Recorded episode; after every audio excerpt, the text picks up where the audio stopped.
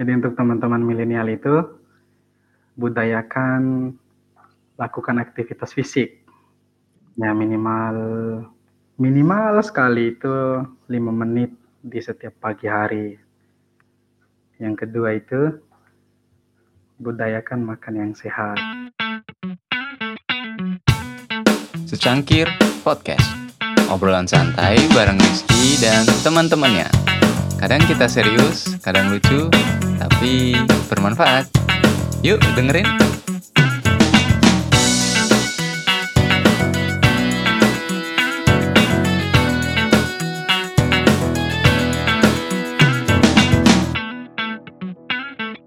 Cek, cek, cek, cek, cek Halo, selamat datang semuanya. Selamat datang kembali di Secangkir Podcast.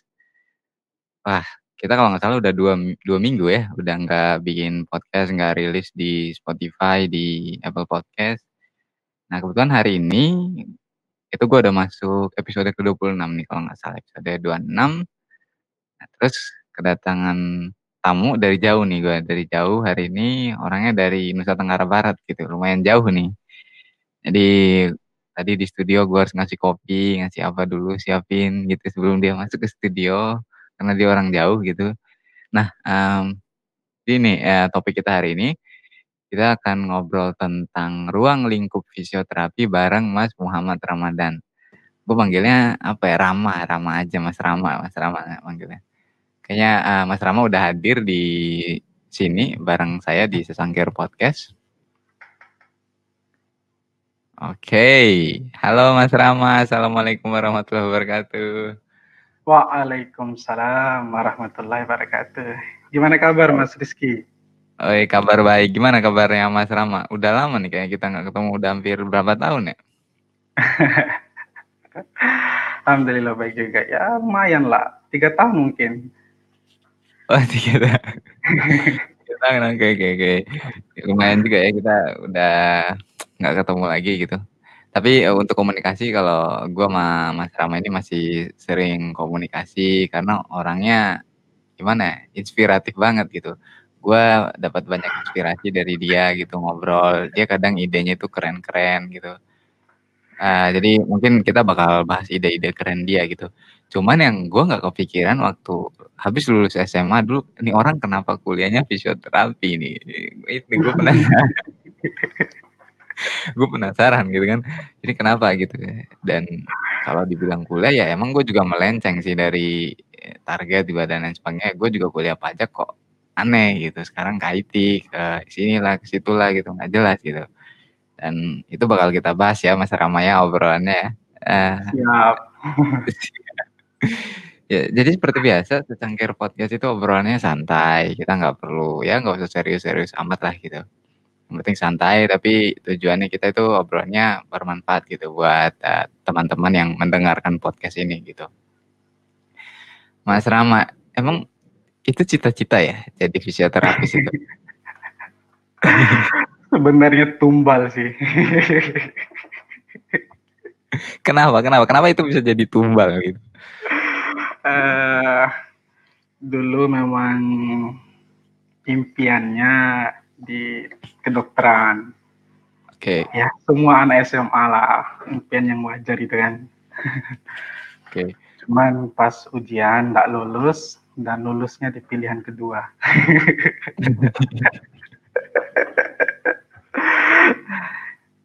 ya agak-agak nggak nyaman awalnya, tapi pas masuk di zona perkuliahan ya asik juga lah.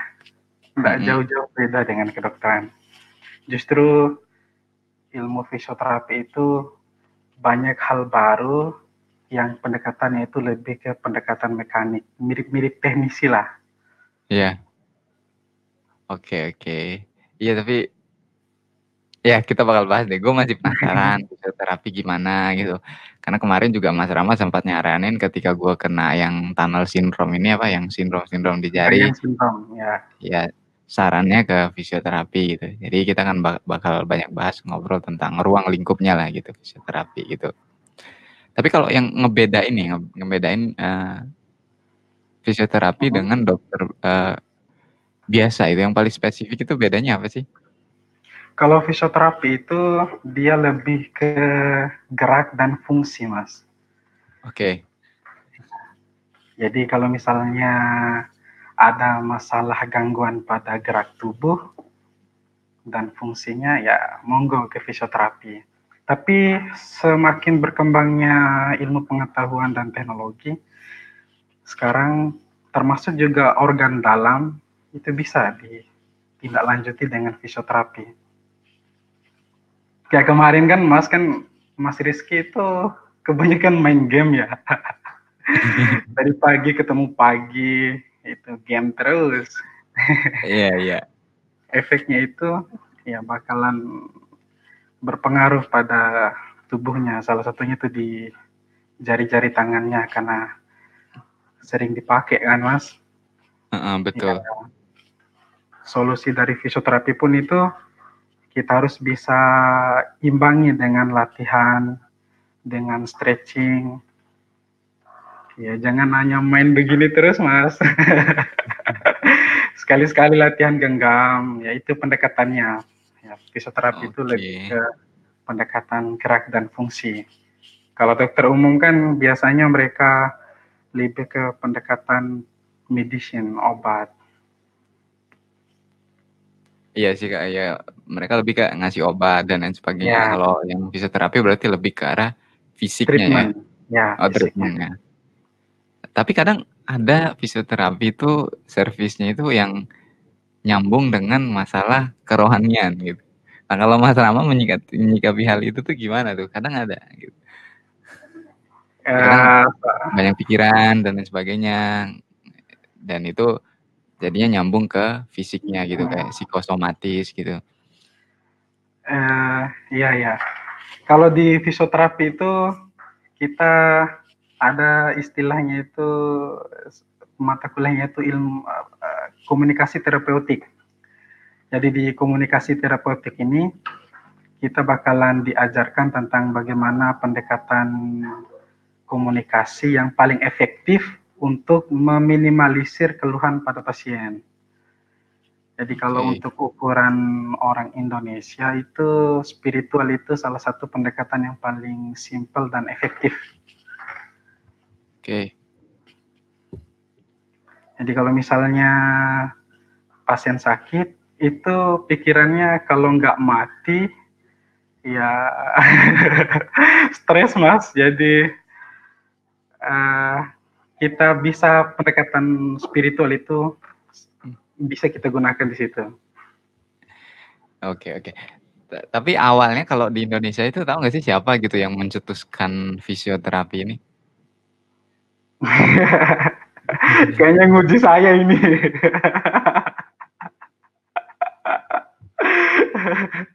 mirip-mirip waktu kuliah ini. Enggak, biasanya kan ada pertanyaan gitu kan sejarah ya. apa gitu. Yang saya ingat itu fisioterapi itu lahir di Surakarta tahun 1957. Tapi oh, saya udah lama juga berarti ya. Fisioterapinya ya.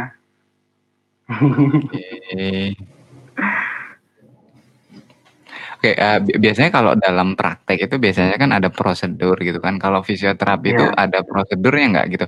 Misal pertama kita nyebutnya dari asesmen dulu gitu, terus ada diagnosa dan lain sebagainya. Nah, prosedur yang biasa dilakukan oleh fisioterapis itu gimana sih? Ya, kita bicara dari payung hukumnya dulu. Jadi kalau fisioterapi itu ada dua payung hukumnya. Yang pertama itu Peraturan Menteri Kesehatan nomor 65 tahun 2015 okay. tentang standar pelayanan fisioterapi. Jadi di situ sudah diatur apa-apa pelayanan fisioterapi yang bisa diberikan pada puskesmas, pada klinik, ataupun tempat praktik dan rumah sakit. Yang kedua itu Peraturan Menteri Kesehatan nomor 80 tahun 2013 tentang praktik okay. fisioterapi. Jadi itu ada jenjang, jenjang pendidikan sama kompetensi tiap fisioterapis. Nah, setelah kita masuk ke payung hukum, nah, di situ sudah dijelaskan semua mulai dari alur pelayanannya, terus bagaimana fisioterapis menjalankan kerjanya sebagai seorang fisioterapis, mm -hmm. dan yang paling penting itu di situ uh, fisioterapis kayak diberi kewenangan hampir setara dengan dokter untuk um, bisa membuat praktik pelayanan mandiri. Oke. Uh-uh. Berarti itu alasan Mas Rama buat bikin klinik sendiri gitu kan? Berarti ya. ada ada ya ya punya hak lah gitu kan, punya ya. punya basisnya gitu. Ya. Ya secara hukum gitu. Oke. Cuman asiknya nah, juga kalau buat klinik itu Mas, kita bisa bereksplor. Jadi kadang ilmu yang kita dapat di kampus itu hmm, kita aplikasikan di lapangan itu kadang sedikit melenceng juga. Banyak-banyak teori itu yang kita dapatnya di kampus kayak begini, ternyata pas yeah. di lapangan itu tidak seperti itu modelnya. Eh, nah, tapi tapi yang paling pernah nggak sih sampai gitu ada pasien gitu, ada pasien datang ke kliniknya hmm. itu misal aneh-aneh, patah tulang atau dan lain sebagainya gitu kan. Pernah nggak itu nggak nggak bisa ya udah nggak bisa kita sembuhin sama sekali gitu, udah nggak bisa karena kejadiannya udah fatal banget gitu. Pernah nggak seperti gitu? Dan sering malah sering. Apalagi pertama-tama saya buka praktek itu orang-orang anggapannya itu fisioterapi itu dokter spesialis anggapannya. Mm -hmm. Jadi, biar biar patahnya sudah berkeping-keping itu mereka nggak bawa ke unit gawat darurat itu. Mereka bawa dulu ke klinik. Ini kan sudah menyalahi sebenarnya ini. Tapi orang-orang lebih percaya kan jadinya di situ kan. Kalau di kalau nggak salah di Bima itu ya udah orang pasti ke Mas Rama dulu gitu sebelum langsung ke dokter. Kebanyakan kayak gitu kan Iya, karena pendekatan spiritualnya tadi, Mas. Jadi pas di kuliah itu kita dapat mata kuliah komunikasi terapeutik, salah satunya itu hipnoterapi. Jadi kita hipnoterapi itu kita islamisasi sedikit. Jadi kalau misalnya bahasa-bahasa sugesti tentang komunikasi terapeutik itu nah, kayak begini aja contohnya. Oke, Pak, semakin saya sentuh semakin nyaman, sakitnya akan semakin berkurang. Ya, okay. Kita ganti coba tarik napas Pak, tarik napas sambil baca Bismillah. Ya kita coba dekati pakai pendekatan spiritual seperti itu Mas. Jadi namanya orang sakit pasti percaya percaya aja. Biar kita kasih apa pun itu pasti mereka percaya itu. Iya pasti ikut, pasti ikut. Orang kalau udah sakit ya udah yang penting sembuh gitu kan. gitu kan. apalagi kalau pendekatannya spiritual itu ah. kalau di Bima itu khususnya masih beranggapan ah, banyak ini kena anu ini kena tiupan setan ini apa iya iya iya. Jadi masih kental masih kental kayak begituannya kalau di Bima jadi kalau tenaga medis yang bisa combine dengan spiritual itu bakalan cepat dikenal sama masyarakat khususnya Bima. Iya Oke, se eh, sebelum sebelum lanjut lagi bahas tentang ruang lingkup fisioterapi, cuman agak penasaran nih, gimana cara uh, Mas Rama kan punya klinik gitu kan, tentu uh, setiap klinik, setiap usaha apa pun itu pasti ada assessment gitu. Mau assessment, yeah. reassessment untuk mengukur uh, pencapaiannya. Nah, biasanya ngelakuin pengukuran itu metodenya yang dipakai gimana tuh, Mas? Ya, kita ada kertas yang isinya itu lembar asesmen pasien. Jadi setiap okay. pasien yang mau datang berobat itu kita data dulu, kita input nomor rekam mediknya, kita cek vital sign-nya, itu tekanan darah, denyut nadi, berat badan. Nanti yeah. vital sign itu akan berpengaruh di jenis terapi yang kita berikan. Nah, misalnya dia sudah kita periksa, kita tanya-tanya ternyata keluhannya misalnya ini sakit di bagian lutut, umurnya 18 tahun, dan sakitnya itu gara-gara jatuh waktu main bola, ya bisa kita catat di lembar asesmen itu. Nanti kita lakukan pemeriksaan lebih spesifik lagi, dia jatuh ini apa yang bermasalah. Kalau misalnya ternyata ligamen yang bermasalah, ya kita fokus pengobatannya di ligamen. Kalau tendon yang bermasalah, ya kita fokus pengobatannya di tendon. Kalau hanya ototnya, ya kita juga bisa fokus pengobatannya di otot saja. Kalau kayak Mas kemarin kan udah saraf. iya iya iya ngerti. Ntar dulu, ntar dulu jangan bahas itu. Eh, terus biasanya itu berapa lama sih prosesnya itu gitu sampai orang datang baru datang gitu kan? Tentu ada fase-fasenya kan penyembuhannya kan. Nggak Iya. dia datang langsung sembuh. Kayak tadi juga ada levelnya gitu. Itu mungkin dari kulit terus ke otot ke saraf baru masuk ke tulang kan gitu.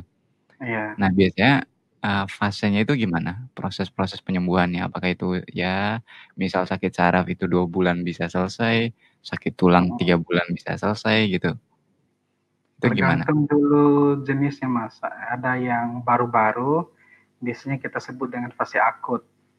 Oke. Kalau yang sudah lama, berkepanjangan, dan kebetulan dia baru datang berobat, yaitu namanya fase kronis. Jadi bentuk pendekatan terapi antara dua fase ini tuh sedikit berbeda Mas.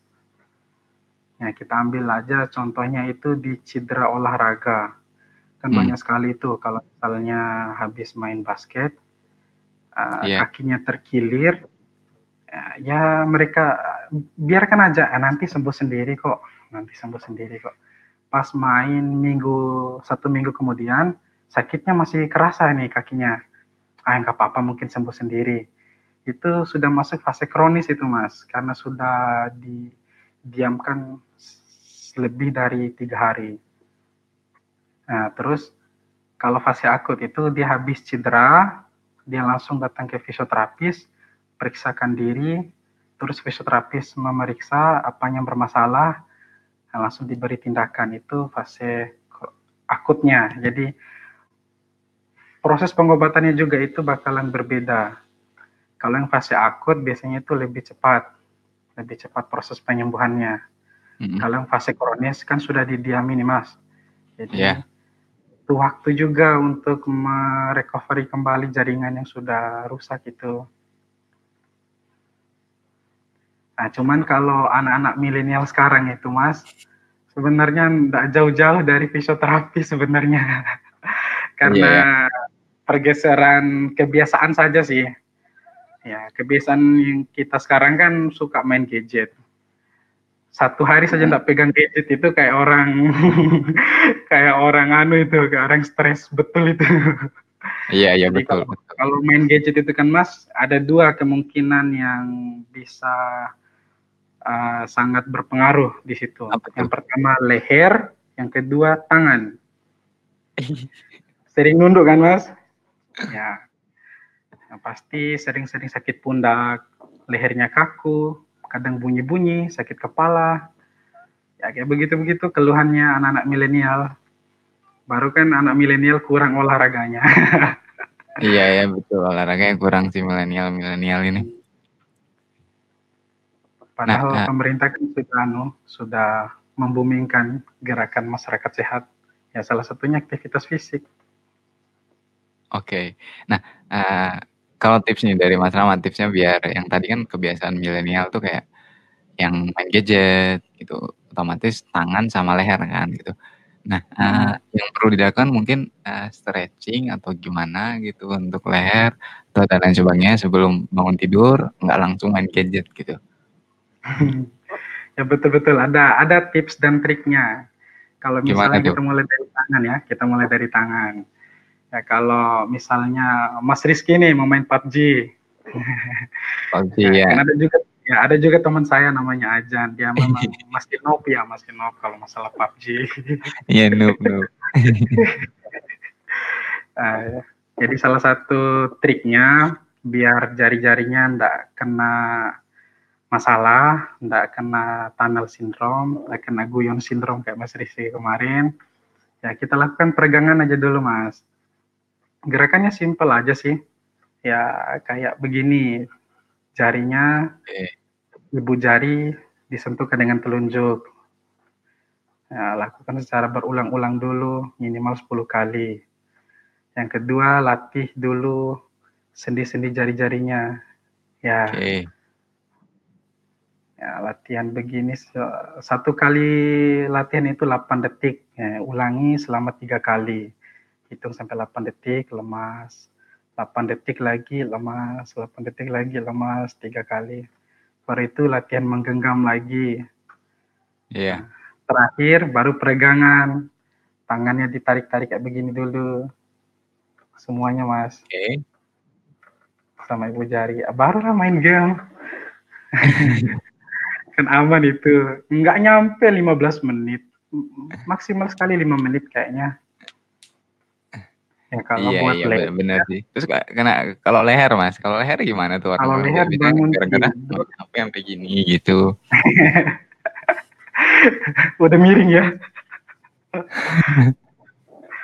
Jadi kalau leher itu biasakan proses penguluran, stretching. Ya, gerakannya simpel. Satu tangan memegang pundak, satu tangan megang leher, kita tarik. Ya. Oke. ya kayak olahraga aja, olahraga ringan. Ya, nanti akan membantu aliran darah yang ke leher, yang ke kepala, yang ke pundak. Jadi kalau Oke. aliran darahnya terganggu ya efeknya begitu mas, Iya tegang, iya. kesemutan. Tegang apa. Tapi ada satu masalah sih, kayak kayaknya dia eee, teman kita juga kadang satu ngeyel gitu. Kalau itu ada nggak sih obatnya di fisioterapis kalau orang ngeyel gitu? Oh iya saya tahu ini, saya tahu siapa Iya yang dimaksud. kan, dia dia nggak pernah mau salah gitu, ngeyel banget tuh anak gitu kan. Nah itu kalau Mas Rama yang emang ya orang fisioterapi gitu, bisa nggak gitu disembuhkan gitu? Karena itu udah mewabah penyakitnya itu.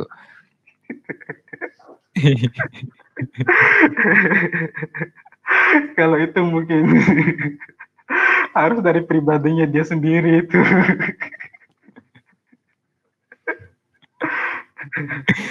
berarti itu udah nggak bisa disembuhkan ya? Bisa bisa, asalkan dia punya kemauan. Iya iya, kemauannya tapi buat ngeyel itu dia masalahnya.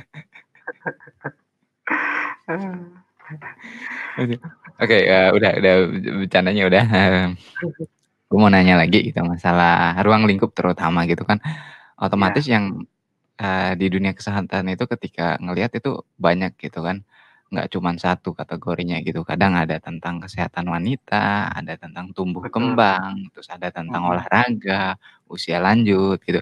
Nah kalau di fisioterapi ada nggak sih pembagian-pembagian seperti itu gitu? Ya, Jadi kalau di ruang fisioterapi itu lingkupnya heeh, ada nggak gitu? ruang lingkupnya itu ada, sama kayak Mas Rizky bilang. Jadi kalau misalnya teman-teman sudah masuk ke jenjang S1, nanti ada tahapan profesi.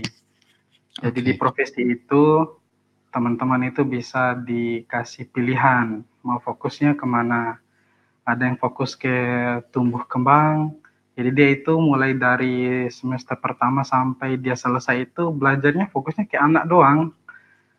Seputar Oke. anak, gimana mengatasi tumbuh kembangnya, kalau ada masalah ini itu ya dia ahlinya.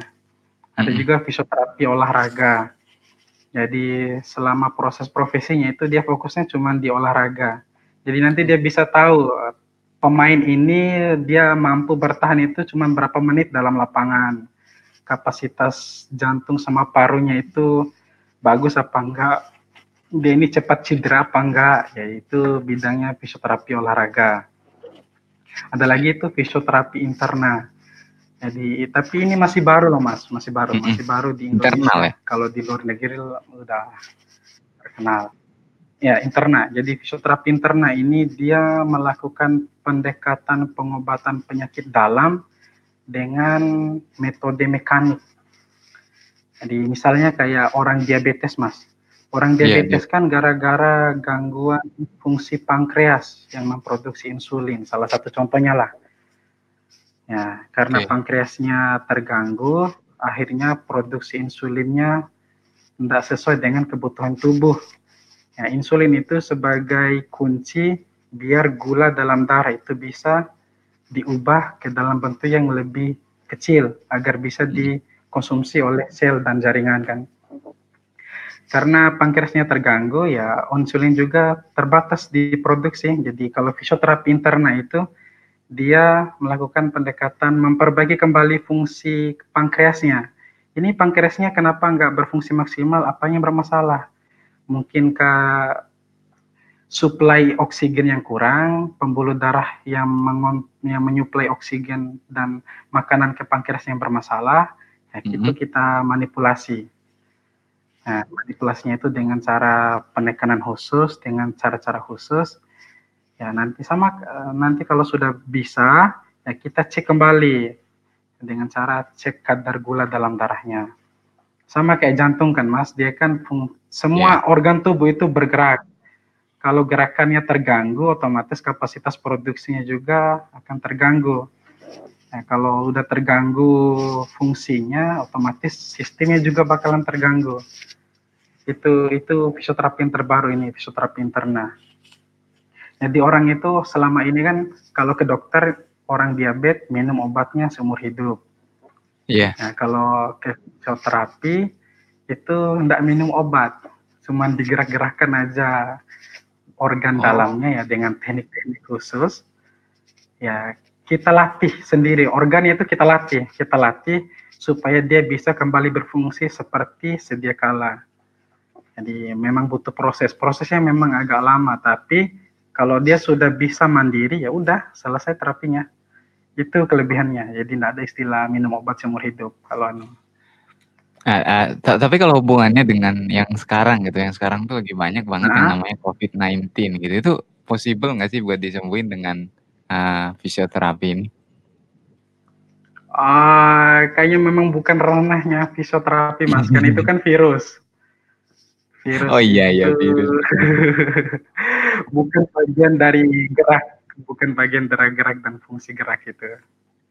Iya dan kemarin saya sempat diskusi juga deh sama Mas Rama gitu. Itu dari mana dapat info yang kemarin?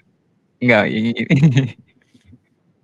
kemarin Mas Rama itu dapat info eh, ini salah satu cara lah gitu menanggulangi gitu kan biar nggak kena yang lagi ah, iya iya iya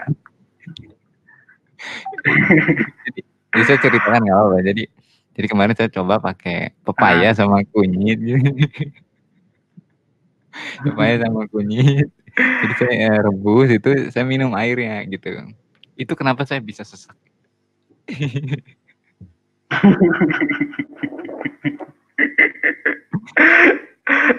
Tapi saya batasi dulu mas ya. Itu bukan ranahnya fisioterapi mas, itu bukan oh, ranahnya iya, iya, iya, tahu, tahu.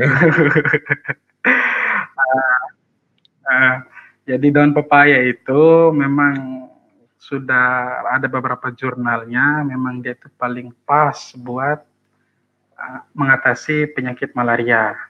Uh -huh. ya, dan malaria itu agak mirip proses penyebarannya dengan COVID ini.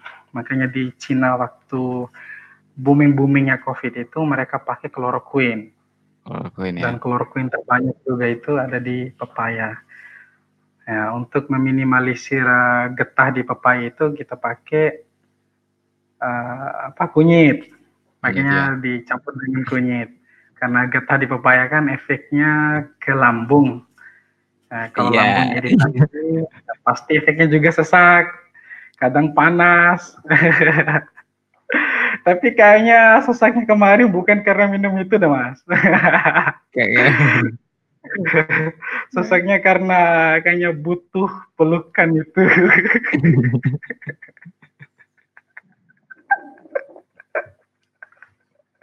Oke, eh, ngomong ngomong soal pelukan gitu, fisioterapi ada kan kalau nggak salah kesehatan wanita juga? Ya, ada. Ya, nah. ya apa apa apa yang Mas Rizky mau tahu tentang fisioterapi kesehatan wanita itu? Ini fisik gitu, sorry nih, sorry nih, sorry gitu. Fisik terus uh fisioterapi kesehatan wanita. Nah, nah itu apakah spesifik tentang masalah-masalah wanita yang diurus atau gimana?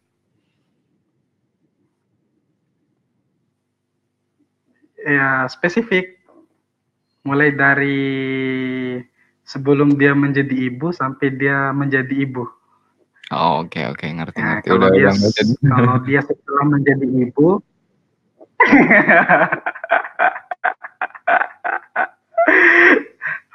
kadang wanita itu mas uh, punya masalah di sistem reproduksinya. Jadi salah satunya itu inkontinensia urin.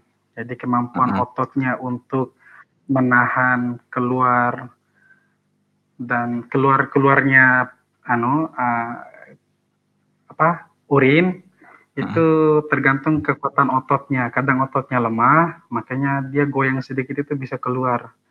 Oke. Tapi kenapa nggak ada kesehatan pria gitu? Kenapa cuma wanita itu lah?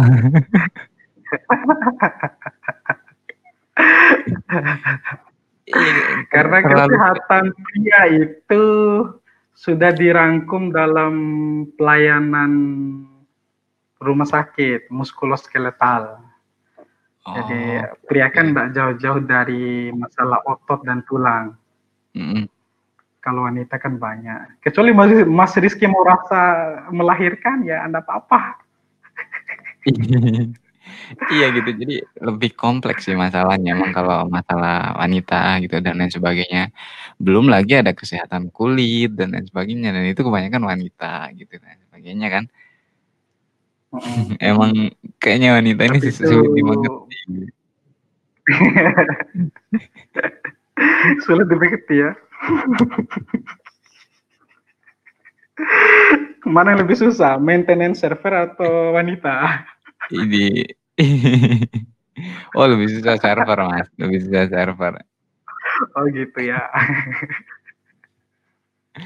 Oke, okay, uh, eh, gue lanjut lagi obrolannya udah udah udah udah udah. udah ada kepikiran buat lanjut lagi nggak belajar gitu ke level berikutnya gitu di dunia fisioterapi ini? Atau Dulu sudah sampai ada, kepala rumah sakit? Sekarang kan mau trauma kepala rumah sakit gitu kan.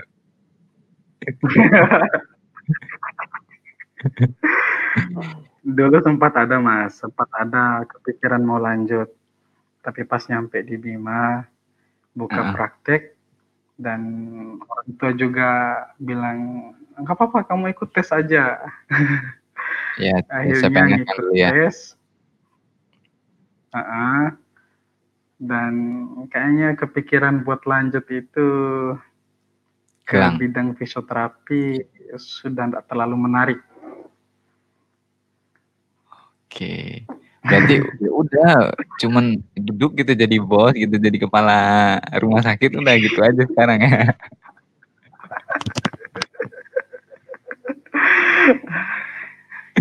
Udahlah. Jadi pas saya masuk di instansi pemerintahan itu saya lebih nyaman, lebih suka ke bidang manajemen, Mas. Iya iya iya. Makanya agak bergeser sih, agak bergeser. Ya lebih besar mungkin ya, ya emang jiwanya Mas Rama juga jiwa ini kan, jiwa entrepreneur kan gitu, usaha dan lain sebagainya gitu. Saya juga ngelihat dari dulu, oh ini Mas Rama punya potensi gitu, jadi entrepreneur Makanya ya udah dia sekarang udah PNS kerja di rumah sakit kenapa nggak manajemen gitu. Ngambil S2 manajemen ya. iya gitu. Wah ini kesempatan nih gitu. Tapi kenapa nggak coba uh, menggunakan, kalau nggak salah ada kan buat PNS gitu kalau mau lanjut lagi ke jenjang berikutnya beasiswa kayak gitu ada kan? Ada, ada. Khusus PNS itu peluang untuk lanjut studi itu besar dan lebih gampang, nggak perlu ribet-ribet kayak uh, untuk jalur umum. Jadi tinggal lampirkan surat sakti, ya bisa lolos. ya, nggak, kenapa nggak coba kayak gitu aja gitu ya. Jadi ilmunya juga ya, bisa terus diasah gitu, dapat uh, network baru, pengalaman-pengalaman baru mungkin. Kenapa nggak coba itu? Masih banyak yang harus di kerjakan di sini Pak. Kayaknya iya. untuk ya. meninggalkan daerah itu agak berat. Oh iya ya benar-benar. Oke. Okay. Tapi nggak apa-apa sih kalau buat belajar balik lagi nggak masalah sih kalau menurut saya ya, menurut saya gitu. Ya nanti kalau udah ada istri. oh gitu, oke. Okay. Tap tapi ada yang aneh nih, ada yang aneh gitu, eee mungkin, eee, o orang pasti ngomong nih, "Mas Rama juga ini salah satu distributor," gitu. Dia dia juga pengusaha soalnya, dia salah satu distributor buat rokok gitu, ada rokok gitu. Kenapa orang fisioterapis bisa jual rokok gitu, kenapa? Eee Iya, soalnya itu sebenarnya di itu kesehatan itu kebutuhan, Mas, kebutuhan itu. Tapi sedikit saya luruskan ya, ini kretek kretek. Jadi kretek Iya. rempah, isinya itu rempah-rempah. Jadi kretek ya rempah agak ya. agak agak agak beda agak beda dengan rokok konvensional. Jadi dilihat dari sejarahnya juga, Indonesia itu dijajah karena rempah. Iya, rempah. Jadi Mas, gitu. Ya, ini kita Masih lagi kita belajar sejarah aja ya. Dan sekarang kita harus bisa manfaatkan rempah ke arah yang lebih positif. Mhm. Ya, salah satunya itu kalau bagi saya, saya pakai buat metode terapi, khusus di klinik saya, Mas. Jadi kretek itu, sa misalnya nih Mas, ada orang yang merot mukanya, Bell's palsy istilahnya. Oke. Jadi kita sediakan alat sauna wajah, kita ukur takaran rempahnya, kita rebus dengan air, nanti uapnya itu kita dekatkan dengan wajah pasien. Oke. Karena efek dari panasnya itu, Mas, akhirnya pembuluh darahnya terbuka. Nah, bisa masuklah itu rempah-rempahnya dalam bentuk partikel yang lebih kecil. Nah, itu salah satu pemanfaatan kretek rempah yang saya usahakan, Mas. Oke, ya kemarin juga saya, eee, coba lihat-lihat tuh, kena kenapa nggak coba metode kayak essential oil gitu. Jadi itu kan essential oil tuh kayak rempah-rempah gitu dibikin, Oh, dicampur gitu, dan itu bisa diolesi ke anak-anak buat batuk, buat flu, kenapa nggak coba yang itu? Eee, bukannya nggak mau coba, itu ranahnya teman-teman farmasi. Jadi terlalu serakah saya ini mau ngambil semua nanti. Oh, nggak apa-apa, karena saya lagi nyari juga ini, nyari essential oil, nyari apoteker. Kemarin nanya teman-teman apoteker ka katanya, "Oh, udah nggak belajar lagi bikin essential oil," gitu katanya gitu. Dan sebagainya lah gitu. Dan kalau begituan Mas, agak susah agak susah, ribet kayaknya, katanya teman-teman farmasi itu. Penyulingan yang sulit, ini itu, apa, iya ribet-ribet, ndak ndak ndak gampang itu. Ya Dan kita yang paling mudah itu kretek tadi ya? Ini bajunya saya pakai, Mas. Oh iya, saya coba pantau sedikit soalnya dia pakai baju kretek, apa itu tulisannya? Kretek rempah, ya saya berdiri dikit ya, nah. Iya gitu, iya kretek rempah gitu ya, bener, keren keren. Kayak kayaknya sekalian promosi nih. Tapi sempat ada yang komplain nggak gitu pasiennya gitu kan, "Kok rokok sih Mas?" Gitu, pakai metodenya? Kenapa selama ini selama ini belum ada komplain sih, karena kita nggak nyuruh pasien buat rokok. Iya maksudku, eee, pakai itu, pakai rokok caranya gitu ngobatinnya, karena bukan minta ngerokok kan. Heeh. Tapi kan, itu kan cuma bahannya, nanti kan Mhm. diolah lagi Mas. Iya Diolah iya. dalam artian kita pakai lagi media tambahan, kayak alat portable, yang bisa mengubah yang dari bentuk batang rokok, bisa dalam bentuk uap. Iya. Jadi dan se selama ini juga pasien juga merasa ada perubahan ketika digunakan itu. Saya juga bandingkan sih Mas, dengan teori fisioterapi konvensional dengan kalau ditambahkan dengan itu. Kalau misalnya untuk orang yang merot mukanya Heeh. itu kalau pakai teori fisioterapi konvensional, ya paling cepat 6 kali treatment baru normal wajahnya. Kalau Oke. pakai itu, dia setiap hari dia setiap hari sauna wajahnya, dia uap-uapin wajahnya, itu 3 kali treatment langsung bisa normal itu. Wow. Dan ini lebih ya. dari ya, lebih dari 15 pasien. Kita coba tanya-tanya, kita minta keterangan, kita follow up terus perkembangannya, dan itu tertulis semua di rekam mediknya itu, di lembar asesmennya. Berarti untung banget ya jual kretek untung, fisioterapis untung.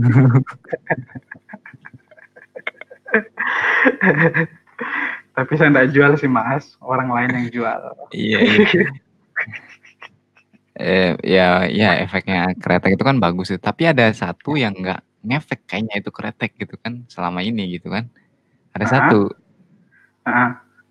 Nah, orang yang saya nyebut tadi yang di awal tadi nggak ngefek itu nggak merubah cara berpikir dia itu kenapa?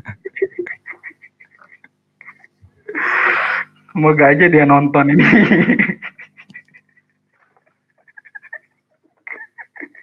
Iya itu kenapa gitu, kenapa itu nggak berpengaruh gitu buat dia gitu? Apa karena imun dia lebih bagus? Enggak ngerti enggak ngerti. Oh iya, ini ada yang mau saya tanya kemarin itu.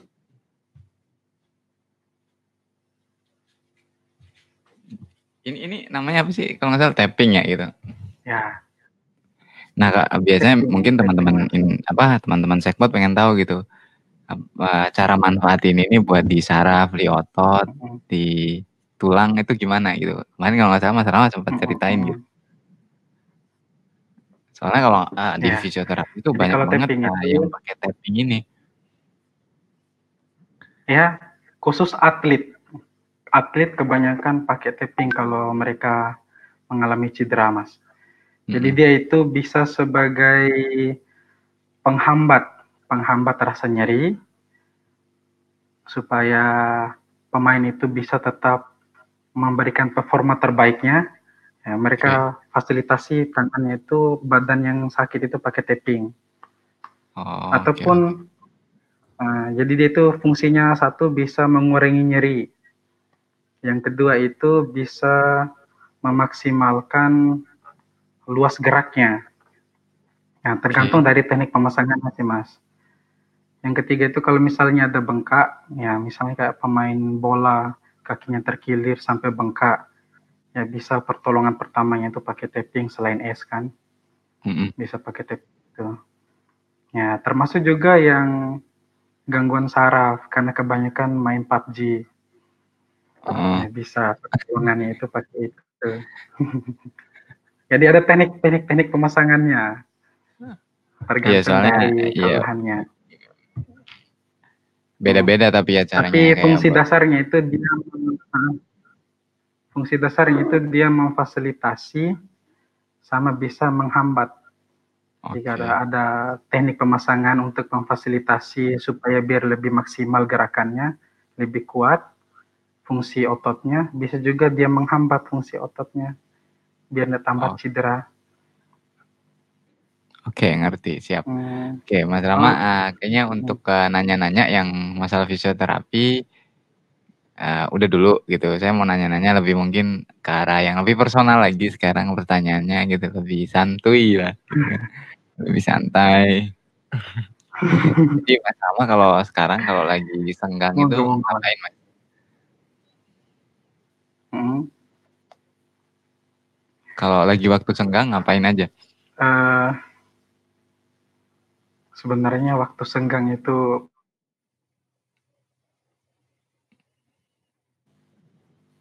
Halo? Halo? Iya? Halo? Halo halo, ya. Eh, halo, iya. Iya. Gimana gimana? Jadi saat sekarang itu saya ngisi waktu luang itu dengan hidroponik sama ternak lele, Mas. Ih, mantap. Nyoba-nyoba aja. Kebetulan kan ada teman juga, dia dari Jogja, pulang dari Jogja, dia bawa ilmu tentang hidroponik. Jadi kita belajar dari dia, kita aplikasikan, ya ternyata enak juga ya. Segar Iya. kalau dipandang itu. Mantap ya. Tapi Tapi kalau dilihat dari aktivitas mungkin waktu luangnya itu agak sedikit, Mas. Soalnya pagi kan saya di rumah sakit. Mhm. Pulang dari rumah sakit sorenya lanjut praktek lagi. Ya waktunya cuma Oke. malam. Oke, itu waktu senggang. Tapi kalau yang bikin Mas Rama penasaran banget saat ini apa sih?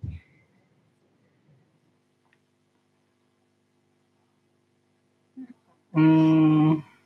Apa, punya istri? Eh, janganlah rahasia itu. Eh, ngomong-ngomong Mas Rizky juga ini. Iya, yang bikin penasaran Mas Rama itu apa?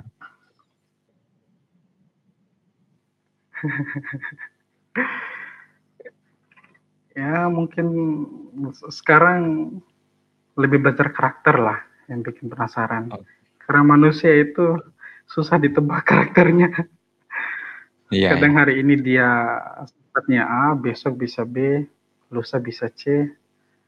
Jadi lebih ke pembelajaran tentang personal sih. Iya sih bener, manusia itu kadang aneh-aneh.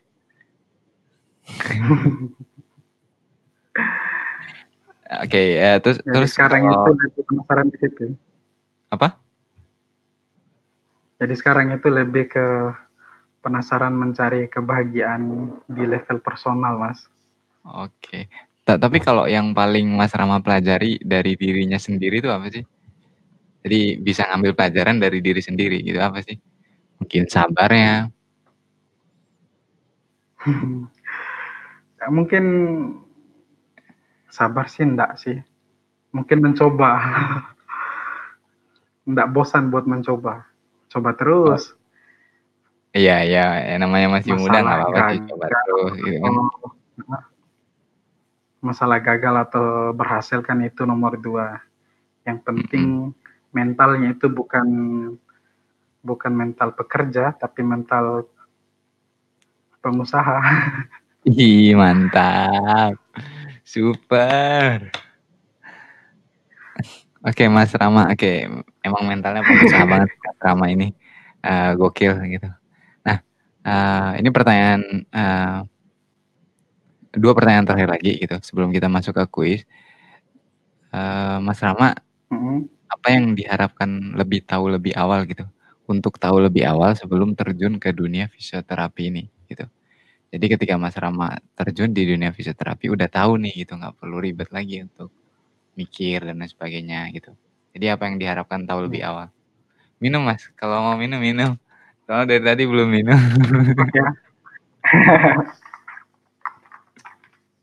Jadi buat adik-adik yang mau melanjutkan kuliah, khususnya di Mhm. fisioterapi itu, biar enggak kebingungan, biar enggak stres ngadepi kuliahnya, itu paling dasar itu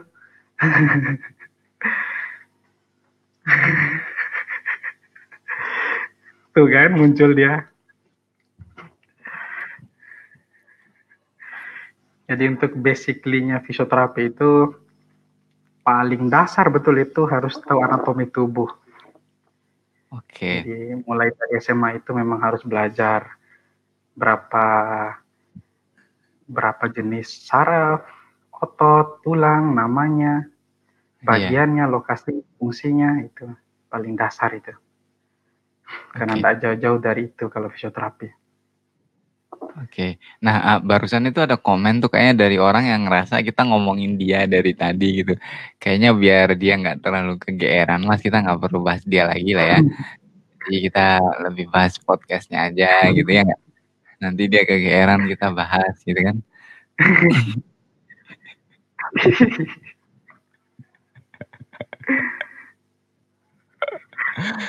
Oke, eee, Mas Rama, eee, ada pertanyaan nggak gitu? Harusnya, eee, saya tanyakan tapi belum saya tanyakan sama sekali dari tadi. Ada. Apa tuh apa tuh? Eee, apa tips dan trik buat milenial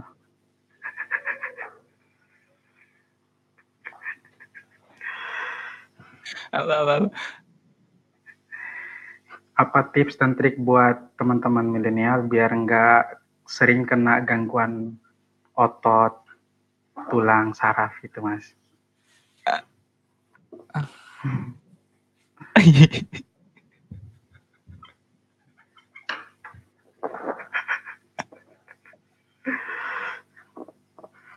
Apa, apa? Sorry, sorry, sorry, kepotong.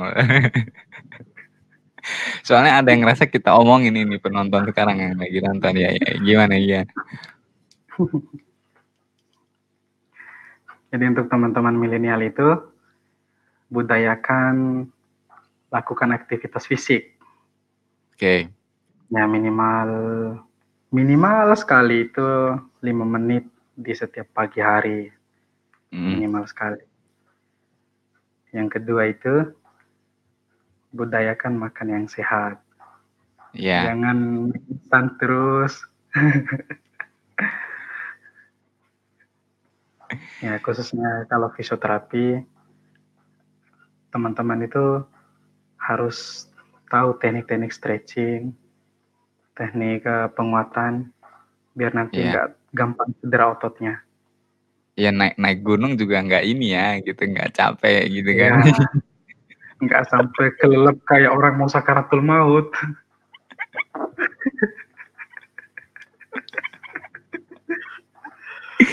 Aduh. Jadi pernah pernah ada kejadian memang Mas Rizky ya. Apa, Ada apa?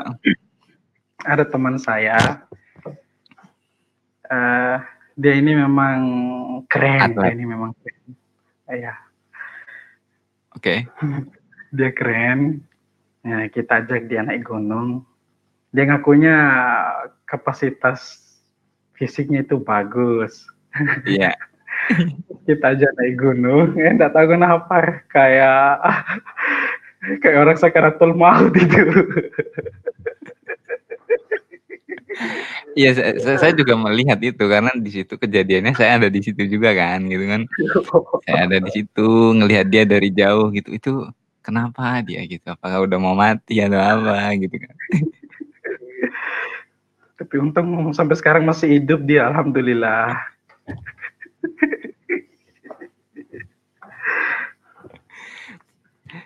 Ta- Tapi itu benar-benar nggak ada cara nggak sih mas gitu buat benarin orang kayak gitu gitu loh. Karena ini ngeyelnya udah levelnya udah sakratul maut gitu, udah nggak bisa diobatin lagi ngeyelnya gitu. Kalau dia mau hidup kembali normal, bisa sih. Soalnya Oh hidupnya berarti dia nggak normal.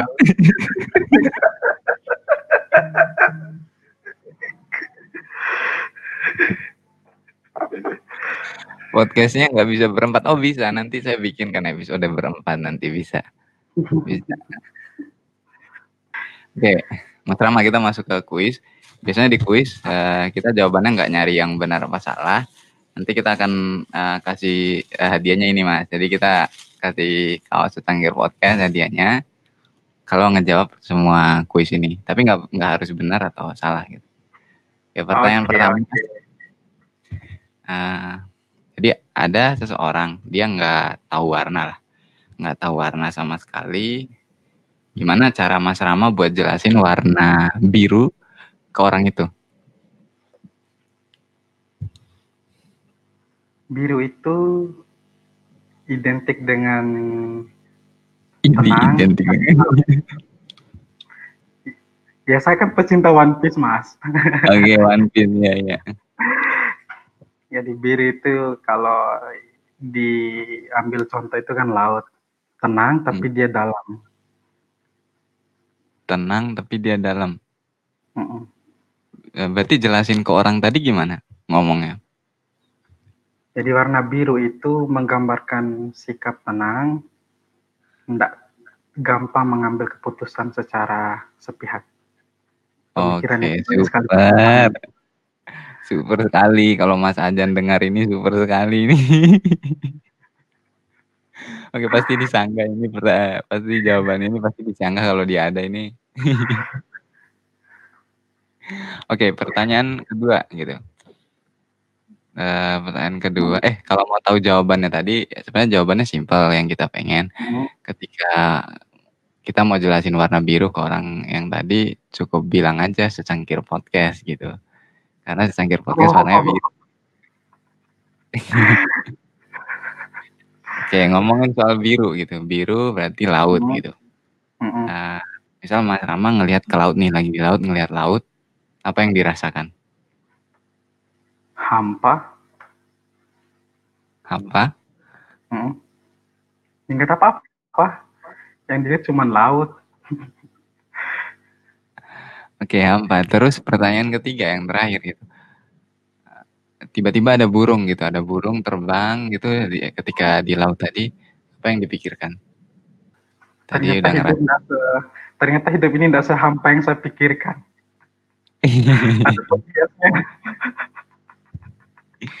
Oke, menarik gitu jawabannya gitu. Baik, eee, thank you Mas Rama udah jawab gitu pertanyaan kita simpel. Oke. Nah itu itu cuman pertanyaan ya psikologi biasalah gitu. Cuman tanya-tanyaan biasa gitu. Nah, eee, terakhir nih Mas gitu, ada pesan nggak buat teman-teman secangkir podcast gitu, teman-teman yang lagi dengarkan podcast ini gitu? Eee, saran buat mereka, tips buat mereka kalau mereka mau terjun ke dunia fisioterapi gitu. Untuk tips untuk teman-teman yang mau lanjut ke fisioterapi, khususnya di ilmu fisioterapi, eee, perbaiki ilmu anatomi, permantap ilmu anatominya. Untuk, eee, teman-teman milenial, Mhm. kalau bisa setiap hari usahakan luangkan waktu untuk melakukan aktivitas fisik. Oke. Nah, kalau aktivitas fisik yang melibatkan hampir semua alat gerak, mulai dari kaki, tangan, pinggang, ya harus dilibatkan semua, biar proses pembakarannya lebih bagus, peredaran darahnya lebih lancar, dan terhindar dari penyakit yang berkaitan dengan gerak dan fungsi. Oke, ada lagi Mas? Itu aja Mas Rizky. Ah. Oke berarti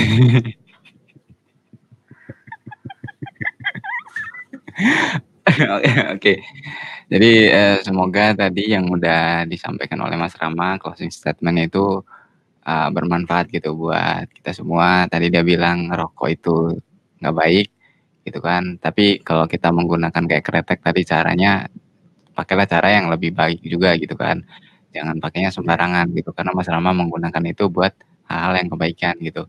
Terus yang kedua tadi dia juga bilang, ya buat milenial gitu kan, stretching dan lain sebagainya, termasuk milenial seperti saya gitu yang bangun tidur kadang langsung main game gitu, main game main game tiap hari gitu. Kadang, ya udah sampai kemarin kena guyon tunnel syndrome, kena carpal tunnel syndrome juga gitu. Wah super sekali gitu kan. Gitu, jadi ya stretching terus teman-teman milenial, kalau mau terjun ke dunia fisioterapi tadi belajar anato anatomi dan lain sebagainya, karena Mas Rama juga udah ngerasain gitu, yang tadi pertanyaan kita apa yang perlu dia pelajari sebelum terjun ke dunia itu gitu. Jadi semoga obrolan kita gitu, hari ini tuh, eee, ada manfaatnya lah gitu buat teman-teman pendengar secangkir podcast, teman-teman sekpot gitu. Jadi nggak cuman amin. bercanda-bercanda yang tadi, obrolan kita juga pokoknya ada manfaatnya. Dan buat Mas Rama, eee, thank you banget sudah mampir di secangkir podcast di episode ke-26, Ruang Lingkup Fisioterapi. Akhir kata saya Rizky dari secangkir podcast dan Mas Rama di sini. Sampai jumpa di episode berikutnya buat teman-teman secangkir podcast. Wassalamualaikum warahmatullahi wabarakatuh. Bye. Terima kasih sudah mendengarkan secangkir podcast. Jangan lupa favorit kita di anchor.fm dan berikan review di Apple Podcast. Dan follow kita di Spotify juga. Sampai jumpa di episode berikutnya. Bye.